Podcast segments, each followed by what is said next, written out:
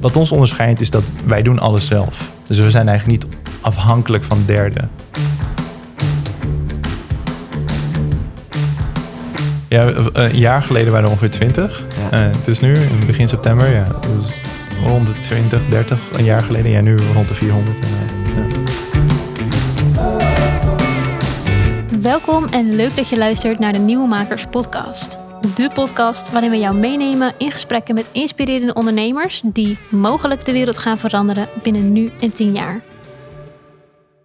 In deze aflevering zit ik met collega Jens van Sales en Job van der Voort. Job is van het bedrijf Remote en we hebben allemaal wel heel erg ervaren hoe het is om remote te werken. Maar waar werk jij het liefst? Jij werkt waarschijnlijk het liefste thuis, maar is dat in de keuken, in de slaapkamer? Nee, ik heb, ik heb een kantoor thuis. Uh, best wel een mooi kantoor. En een, een groot bureau en een, een hele goede setup. Dus daar. Netjes. Ja. Oké, en waar werk jij het liefst, Jens? Um, ik werk wel het liefst aan de keukentafel eigenlijk. Vind ik Ja? relaxed. Ja, grote keukentafel, veel ruimte omheen. Dat ik eigenlijk al mijn spulletjes mooi weg kan zetten. Dat vind ik relaxed. En je komt toch wel graag ook naar kantoor. Het liefst werk ik op kantoor. Heel eerlijk, thuiswerken is... doe ik liever niet. Maar dan, eh, als je thuis werkt, dan is het aan de keukentafel. Als ik thuiswerk is het aan de keukentafel, ja. Nice. Oké, remote. Kan je daar iets over uitleggen? Wat is het precies? Wat houdt het in? Ja, natuurlijk. Uh, dus Remote uh, is mijn bedrijf. Daar ben ik samen begonnen met Marcelo in uh, januari 2019. En wat we doen is, we maken het mogelijk dat als je iemand aan wil nemen in een ander land, uh, dat dat kan. Dus dus als, als je een bedrijf hebt en je wil iemand aannemen in... Je hebt een bedrijf in Nederland en je wil iemand aannemen in Duitsland of in Portugal. Wat je dan eigenlijk moet doen, is je moet daar een bedrijf op zetten. En eigenlijk volledig compliant met de lokale wetgeving uh, die persoon daar aannemen. Dat is super lastig. En wat we zien is dat heel veel bedrijven nu dat iedereen remote aan het werken is, die willen dat niet in één land doen, maar die willen dat misschien in tien landen doen. Dus die nemen tien mensen aan in tien verschillende landen. Dat is eigenlijk totaal niet te doen. En remote die lost dat compleet op. Dus wij hebben lokale entiteiten, wij kunnen voor payroll zorgen, voor en dingen zoals benefits zorgen. Dus dat, en in elk land is dat weer iets anders. Um, en zo maken wij dat dus mogelijk. Interessant. Oké, okay, dus als ik iemand zoek uit Spanje, ja. uh, als redacteur zijnde van voor de podcast, Ja. dan hoe gaat het dan in zijn werk? Dan plaats ik een vacature bij jullie? Of? Nee, uh, dat, dat, daar houden wij ons totaal niet mee bezig. En dat doen we expres niet zo, omdat het eigenlijk heel makkelijk is. Het moment dat jij op zoek bent naar iemand... en wat we zien is dat veel bedrijven... die zijn niet per se op zoek naar iemand in Spanje... die zijn gewoon op zoek naar een goed persoon. En Ah, dat en dat waar, persoon... ja. zeg nu wel Spanje, maar- Ja, en die, die kan overal wonen. Die kan in Spanje wonen, die, die kan in Portugal wonen... of in Nederland of in Duitsland... Uh, pa- pas op het moment dat je iemand hebt gevonden, dan kom je naar ons en zeg je, nou, ik wil deze persoon aannemen. En dan zorgen wij eigenlijk voor al het andere. Dus jij gaat gewoon via ons, wij geven jou, hè, we geven je gewoon een factuur. Als je die betaalt, zorgen wij gewoon voor alles. Zodat die persoon wordt betaald en dat het allemaal compliant is en dat die normale arbeidsvoorwaarden hebben lokaal. En jij behandelt die persoon gewoon als jouw werknemer, als elk ander werknemer. Dus ze worden behandeld als hun eigen werknemer, maar Ja. eigenlijk staan ze bij jou te payroll. Ja, uh, niet per se. Tegenwoordig kunnen het ook doen dat ze op jouw eigen, als je een lokaal, als je een Spaans bedrijf hebt bijvoorbeeld, hè, dan kunnen we dat ook gewoon voor alle bureaucratie zorgen. Uh, maar ja, in de meeste gevallen is dat zo inderdaad. Dus wij zijn, zo heet dat, de employer of record. Dus dat betekent, we zijn op papier de werkgever, maar in realiteit ben jij dat dan. En hoe zijn jullie in godsnaam dit idee gekomen? Ja, voordat ik remote begonnen was, was ik uh, bij GitLab. GitLab is een heel groot bedrijf dat ook nooit kantoren heeft gehad. En had werknemers in 67 verschillende landen. Dus dit probleem kwamen we eigenlijk dagelijks tegen. En wat we vonden was dat er zijn wel oplossingen om zoiets te doen, zoals dit. Maar geen van die oplossingen waren goed. Ze waren eigenlijk allemaal dramatisch. En, maar dat was eigenlijk het enige probleem dat we hadden met remote work. Want eigenlijk verder hadden we alleen maar voordelen en zagen we alleen maar voordelen hieraan. Dus het, was een hele logische stap om, om te denken... Wel, ten eerste denk ik dat meer bedrijven zo gaan werken. En als meer bedrijven zo gaan werken... wat we dan creëren is een wereld waarin... onafhankelijk van waar je woont, waar je geboren bent... dat je toegang hebt tot allemaal mogelijkheden, tot, tot banen... En, en, en de mogelijkheid om gewoon meer geld te verdienen... wat eh, uiteindelijk leidt tot een beter leven. Nou, als, als ik geloof dat dat het geval is... en ik kan het makkelijker maken voor bedrijven dan moet ik de grootste drempel wegnemen. En die grootste drempel, dat is dit. Want dit is het allermoeilijkste ding. Het is super moeilijk om op te lossen. Het is heel complex.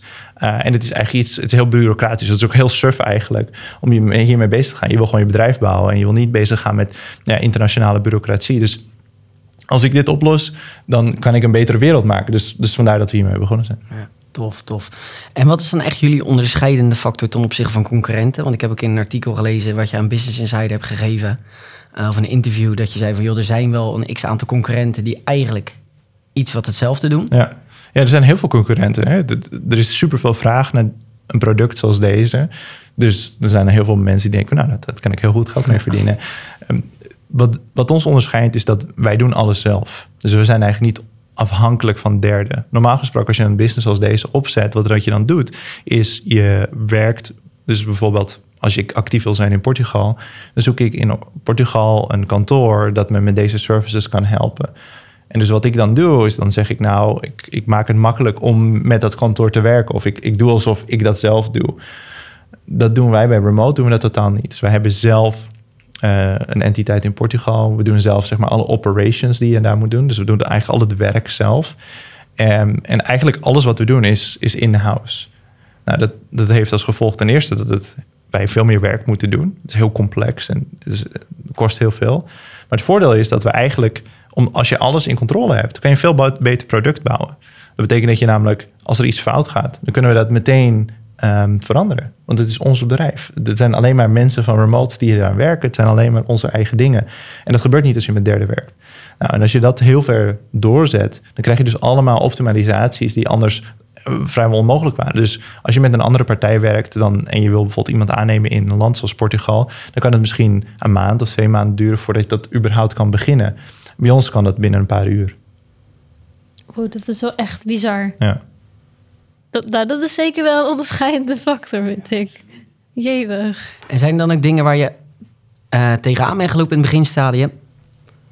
Ja, oneindig veel dingen, nog steeds. Ja. Um, dus voor elk land dat wij openen, moeten wij eigenlijk uitvogelen... hoe gaan we opereren in dat bepaalde land. En elk land is compleet uniek. Het is niet zozeer dat je, dat je als je helemaal opgezet bent in Nederland, dat je dan kan zeggen, nou, nu gaat het ook makkelijk in Duitsland. Je, nee, je moet begrijpen hoe zeg maar, de Duitse regelgeving is. Um, wat zijn de wetten? Hoe kan je iemand aannemen? Hoe werken de contracten? Um, tot zelfs ja, wat voor vorm van entiteit moeten we lokaal opzetten. Ja, in Nederland heb je een BV en een NV, et cetera. Nou, in elk land is dit anders. En dan afhankelijk van hoe wij daar kunnen opereren, moeten we dit, dit al uitvoeren. Dat is een van de eerste dingen die we moeten uitzoeken.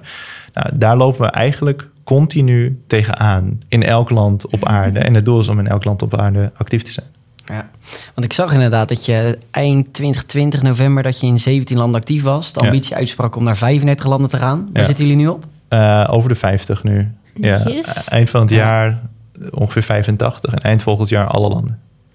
Zo. Kijk eens. Ja. Wauw. En heb je continu met verandering, veranderingen in wet en regelgeving te maken. Um, je gaf net buiten de show gaf je al even heel veel aan van... joh, we hebben op dit moment zijn flink gegroeid. Ja. Vorig jaar zaten op uh, vier werknemers volgens mij. We zitten nu op 200. Ja, een jaar geleden waren er ongeveer 20. Ja. Uh, het is nu, in begin september, ja, dat is rond de 20, 30 een jaar geleden. Ja, nu rond de 400. Ja. ja. En het kernteam hier in Nederland, waar je een soort van alles mee uitzoekt. Uh, mensen die Ik denk niet dat het er is. Nee, ja, absoluut nee. niet. Nee, en er is niet zozeer een kernteam. We hebben een executive team natuurlijk, maar die zit over ja. de hele wereld. We hebben iemand ja. in Italië, we hebben een paar mensen in de VS, iemand in Portugal. Mijn co-founder Marcelo is in Portugal. Ik ben hier in Nederland. Uh, maar er is niet zozeer een kernteam. En er is ook niet zozeer een thuisbasis van remote. We hebben geen kantoor. Nee.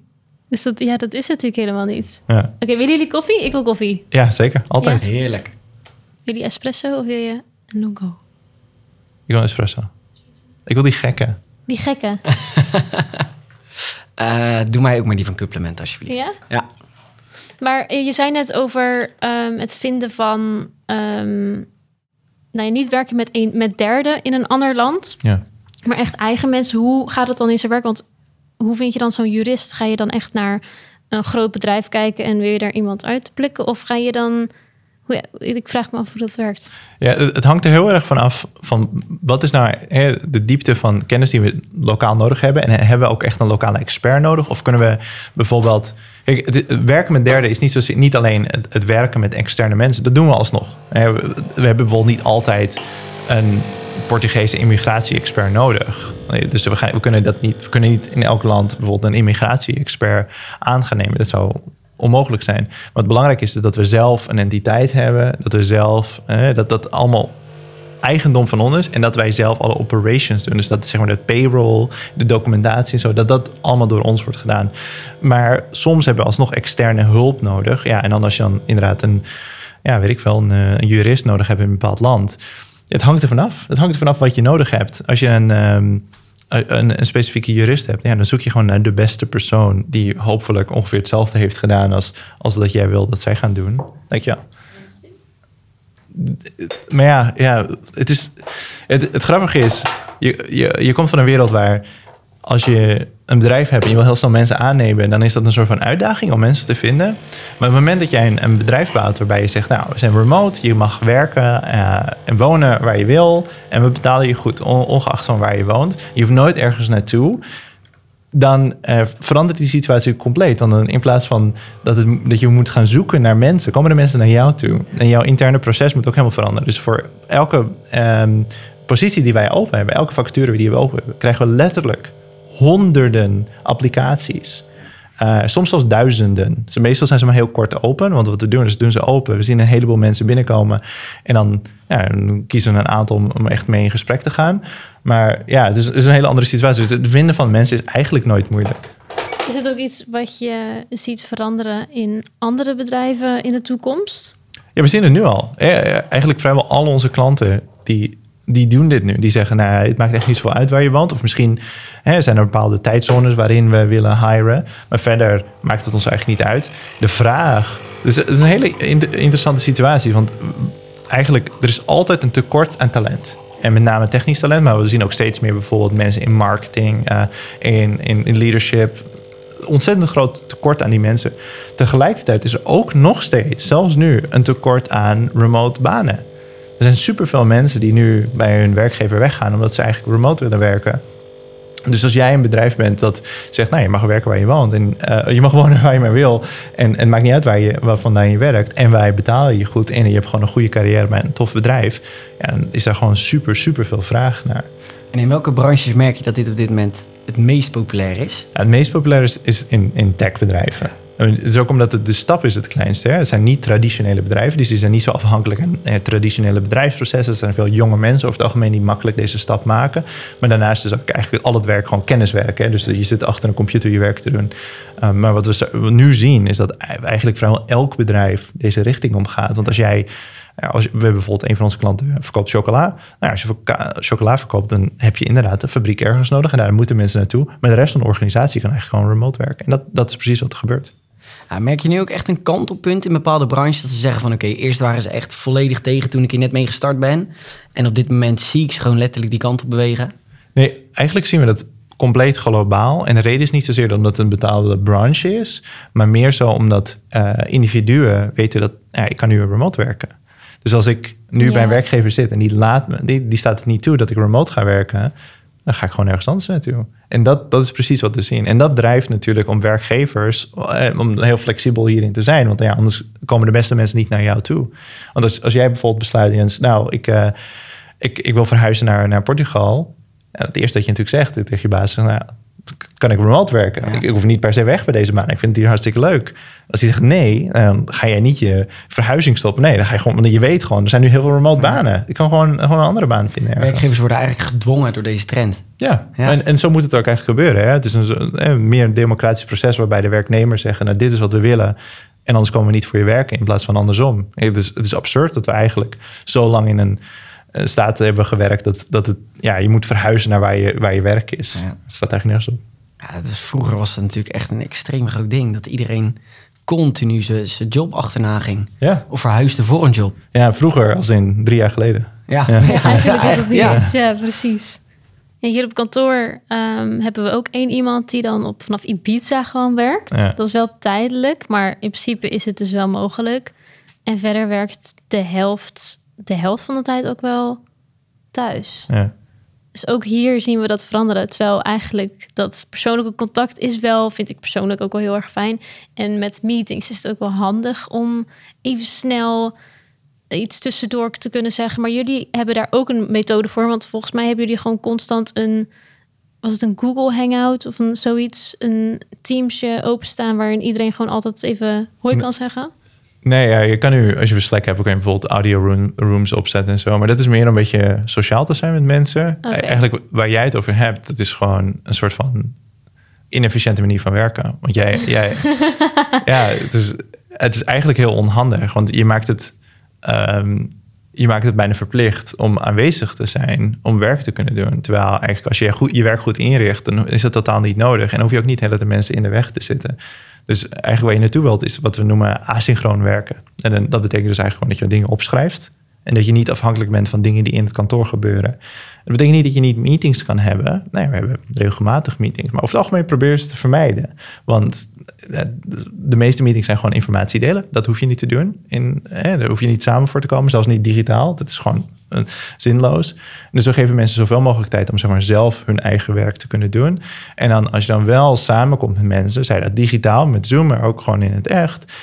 Nou, dan doe je dat om gewoon gezellig te zijn met elkaar. Ehm, en dan, ja, en verder zijn er duizend en één trucjes om zeg maar je werk beter te organiseren. Maar eigenlijk asynchroon werken betekent gewoon, je gaat ervan uit dat je je werk kan doen zonder mensen eh, te interrupteren en zonder zeg maar jouw werk te stoppen. En, en de truc, en hoe kom je tot pon- punt? Nou, je geeft heel, mensen heel veel ownership, dus ze kunnen gewoon hun eigen baan doen.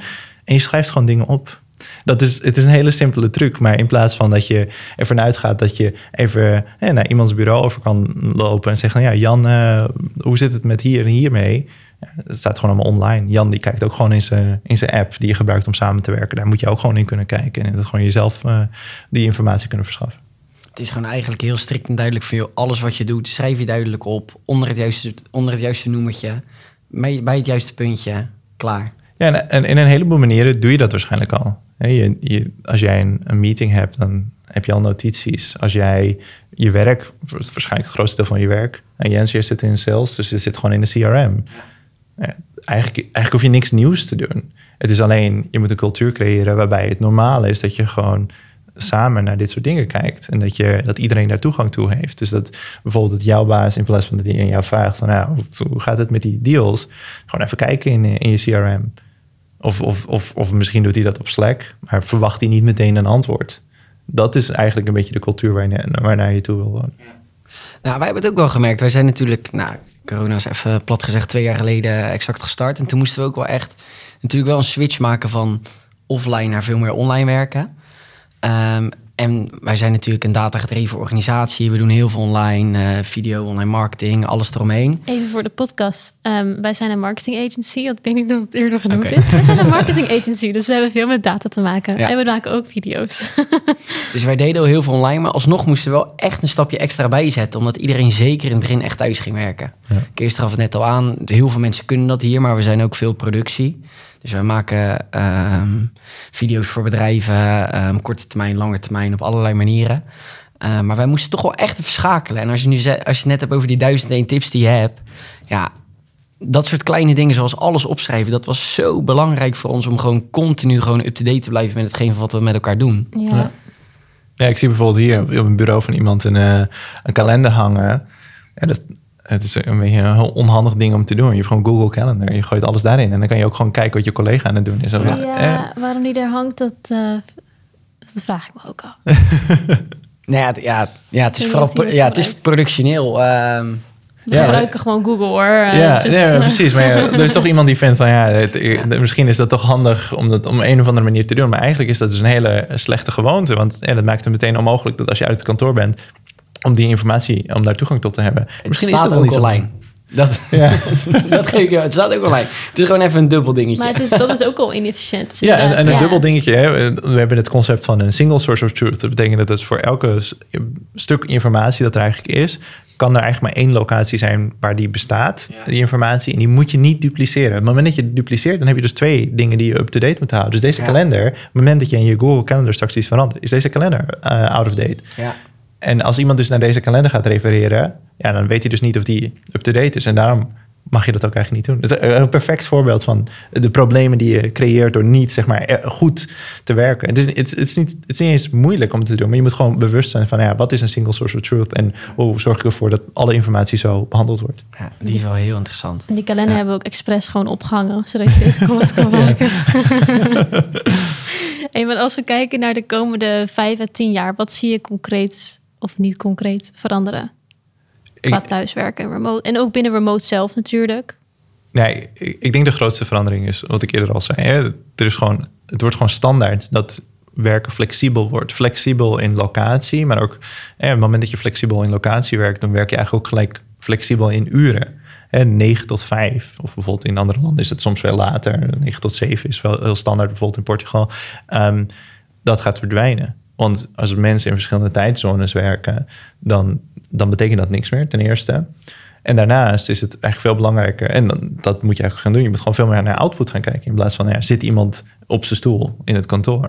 En op het moment dat je naar output gaat kijken, dan maakt het ook niet zoveel meer uit of iemand nou een bepaald aantal uren maakt. Die 40 uur, of die in Nederland vaak 38 of 36 uur. Het, dat heeft maar iemand verzonnen hoor. Dat is niet een. Dat is niet een of andere geniale. Er zit niet een bepaalde reden achter. Er is geen enkele reden dat je die uren moet werken. En in Nederland doen we er gelukkig heel veel parttime werken en zo. Maar de rest van de wereld is het veel minder. En dus waar we naartoe gaan is dat ten eerste werk wordt veel flexibeler qua locatie. Het wordt veel flexibeler qua hoeveel uren je werkt en, en wanneer je werkt. En eigenlijk ga je naar een punt waarbij je veel meer vrijheid hebt als, als een individu. Dat je bijvoorbeeld in het midden van de dag naar de sportschool kan gaan. En dat dat niet een soort van absurd ding is waarbij wauw, wat fijn dat je... Nee, dat is gewoon, nou ik, ik leef mijn leven en af en toe werk ik. En dat af en toe kan best wel uren zijn. En dat kan wel een heel groot, belangrijk deel van je leven zijn. Maar on- desondanks is het niet meer zo van, nou maandag tot vrijdag is mijn leven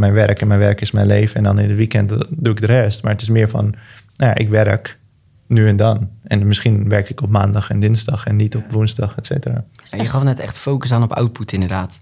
Ja. Ja. Ja, eh, kijk, als je iets anders doet, dan ben je volgens mij heel verkeerd bezig. Ja. En, natuurlijk in heel grote delen van de wereld is dat zo. Maar ja, het is gewoon een verspilling voor, voor iedereen. Zijn Dus- bepaalde organisaties of branches er echt al een voorloper in? Of zie je eigenlijk overal nog wel die niet per se 9 tot 5 mentaliteit, maar wel uurtjes maken? Ja, het is, het is echt heel verschillend voor bedrijf. Het is echt een beetje, ja, wat voor cultuur hebben bepaalde bedrijven? Je, je hebt bedrijven zoals Google, waarbij ja, het is toch eigenlijk wel van, ja, heel erg in het kantoor. Dat is toch, vinden ze toch wel heel belangrijk. Maar te- tegelijkertijd, ja, wat je nou eigenlijk in het kantoor doet, het maakt niet zoveel uit. Zolang je, zeg maar, je on the average je output maar goed is. Ehm, en jongere startups, die, die doen het eigenlijk allemaal wat wij ook doen. Hè? We kijken gewoon puur naar output. Dan kan ons echt geen ruk schelen wat je nou wanneer je aan het werkt, hoeveel je werkt, et cetera. Zo- Zolang je maar eigenlijk voor jezelf zorgt. Want dat is natuurlijk een risico dat je ook inloopt dat iemand te veel gaat werken. En er zijn ook bedrijven die eigenlijk, en ik denk dat die, die het meeste uitstaan, is de bedrijven die het omgekeerde doen. Dus die gaan bijvoorbeeld kijken naar, eh, zijn mensen ook, zitten ze ook achter hun computer als ze remote werken? Uh, en die gebruiken software om te bijvoorbeeld kijken of mensen, of er activiteit op een computer is. Nou, ik, ik vind dat echt super absurd. Ja. En echt Ja. een, een, een, Privacy schending. een ergens. ontzettende privacy schending. En ook, ja, ik, ik weet niet, op TikTok zie je wel eens van die video's langskomen van mensen die dan hun muis vastmaken aan die ventilator, zodat het lijkt alsof er activiteit is.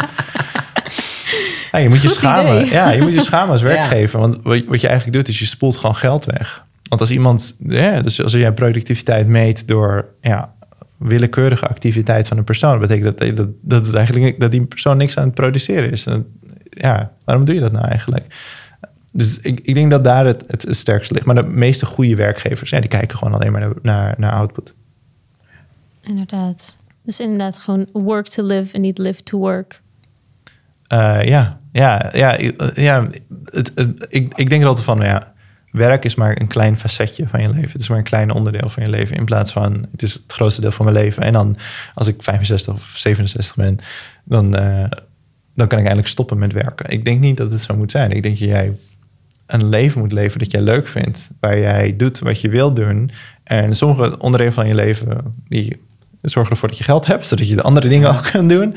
En that's it. En dan hoef je ook niet meer zo gefocust te zijn op van... ja, ik ga mijn leven leven en dan ga ik pensioneren... en ik hoop dat ik een goed pensioen heb. Ja, dat is toch zonde. Dat is het grootste deel van je leven is weg. Ik gaf aan, in het begin van dit gesprek gaf ik natuurlijk al eerlijk aan dat ik wel het liefst op kantoor werk. Ja. Puur omdat ik dat menselijk contact en die gezelligheid leuk vind. En als ik dan remote zou werken, ehm, dat ik misschien ook die gezelligheid ga missen Ja. tijdens mijn werk. Ehm, denk je dat veel mensen daar ook niet hetzelfde in staan? Ja, nou, een aantal dingen. Ten eerste, als je remote werkt, betekent niet dat je niet met andere mensen kan samen kan werken. En ook niet dat je niet samen andere mensen in dezelfde ruimte. Ik vind het zelf ook heel leuk om met andere mensen in een kantoor te werken. Sterker nog, ik denk dat het beter is als ik dat niet doe, want ik ben alleen maar mensen aan het samen aan het lastigvallen om de hele tijd koffie te gaan drinken en gezellig gaan horen. Ehm, het, eh, remote werken betekent niet thuiswerken. Dus eh, het, het, ik, en ik, ik denk dat heel veel mensen die behoefte hebben om inderdaad, inderdaad eh, sociaal te zijn, om samen te zijn, bijvoorbeeld samen uit lunch te gaan. ehm, of, of soms heb je gewoon niet de ruimte thuis. En jij zegt, ja, ik zit aan de keukentafel thuis. Maar ja, heb je nou wel een ergonomische stoel dan? Want, want zo niet, dan eigenlijk ben je dan gewoon onverantwoord bezig. Want dan, eh, dan, dan zit je een aantal uur op een stoel die er helemaal niet voor gemaakt is om, om zes uur in te zitten. Ja, dat is, dat is ook niet gezond. Dus het, er zijn heel veel redenen om alsnog een ruimte op te zoeken om, om daar vandaan te werken. Ja, en omdat heel veel mensen hier toch wel interesse in hebben, zullen er ten eerste heel veel coworking plekken zijn waar je dan samen mensen en dan heb je een soort van community. Bijvoorbeeld een van onze werknemers, onze head of design, Leandro, die werkt in een coworking space en er zijn iets van acht man die daar werken.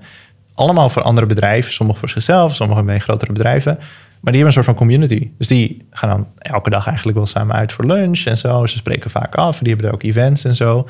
Um, en dan zijn er natuurlijk ook bedrijven. En als een bedrijf groot genoeg is, dan kan je misschien hubs creëren. Waarbij je zegt, nou, we hebben heel- zoveel mensen in, in, in Londen.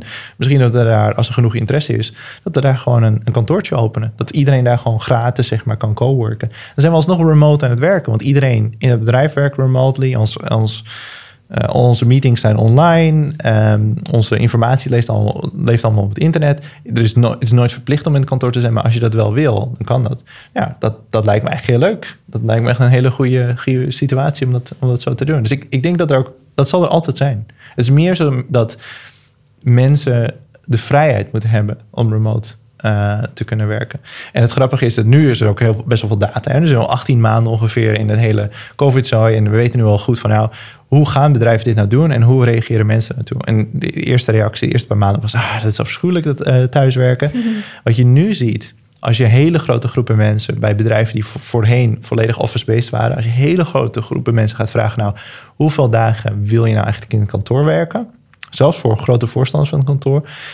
De meeste is zo'n één à twee dagen max in het kantoor. Ah, en dan sommige weken meer en sommige weken minder. Er was één bedrijf, ehm, ik kan hem achternaam niet noemen, maar het is een best wel een groot bedrijf, een paar honderd werknemers.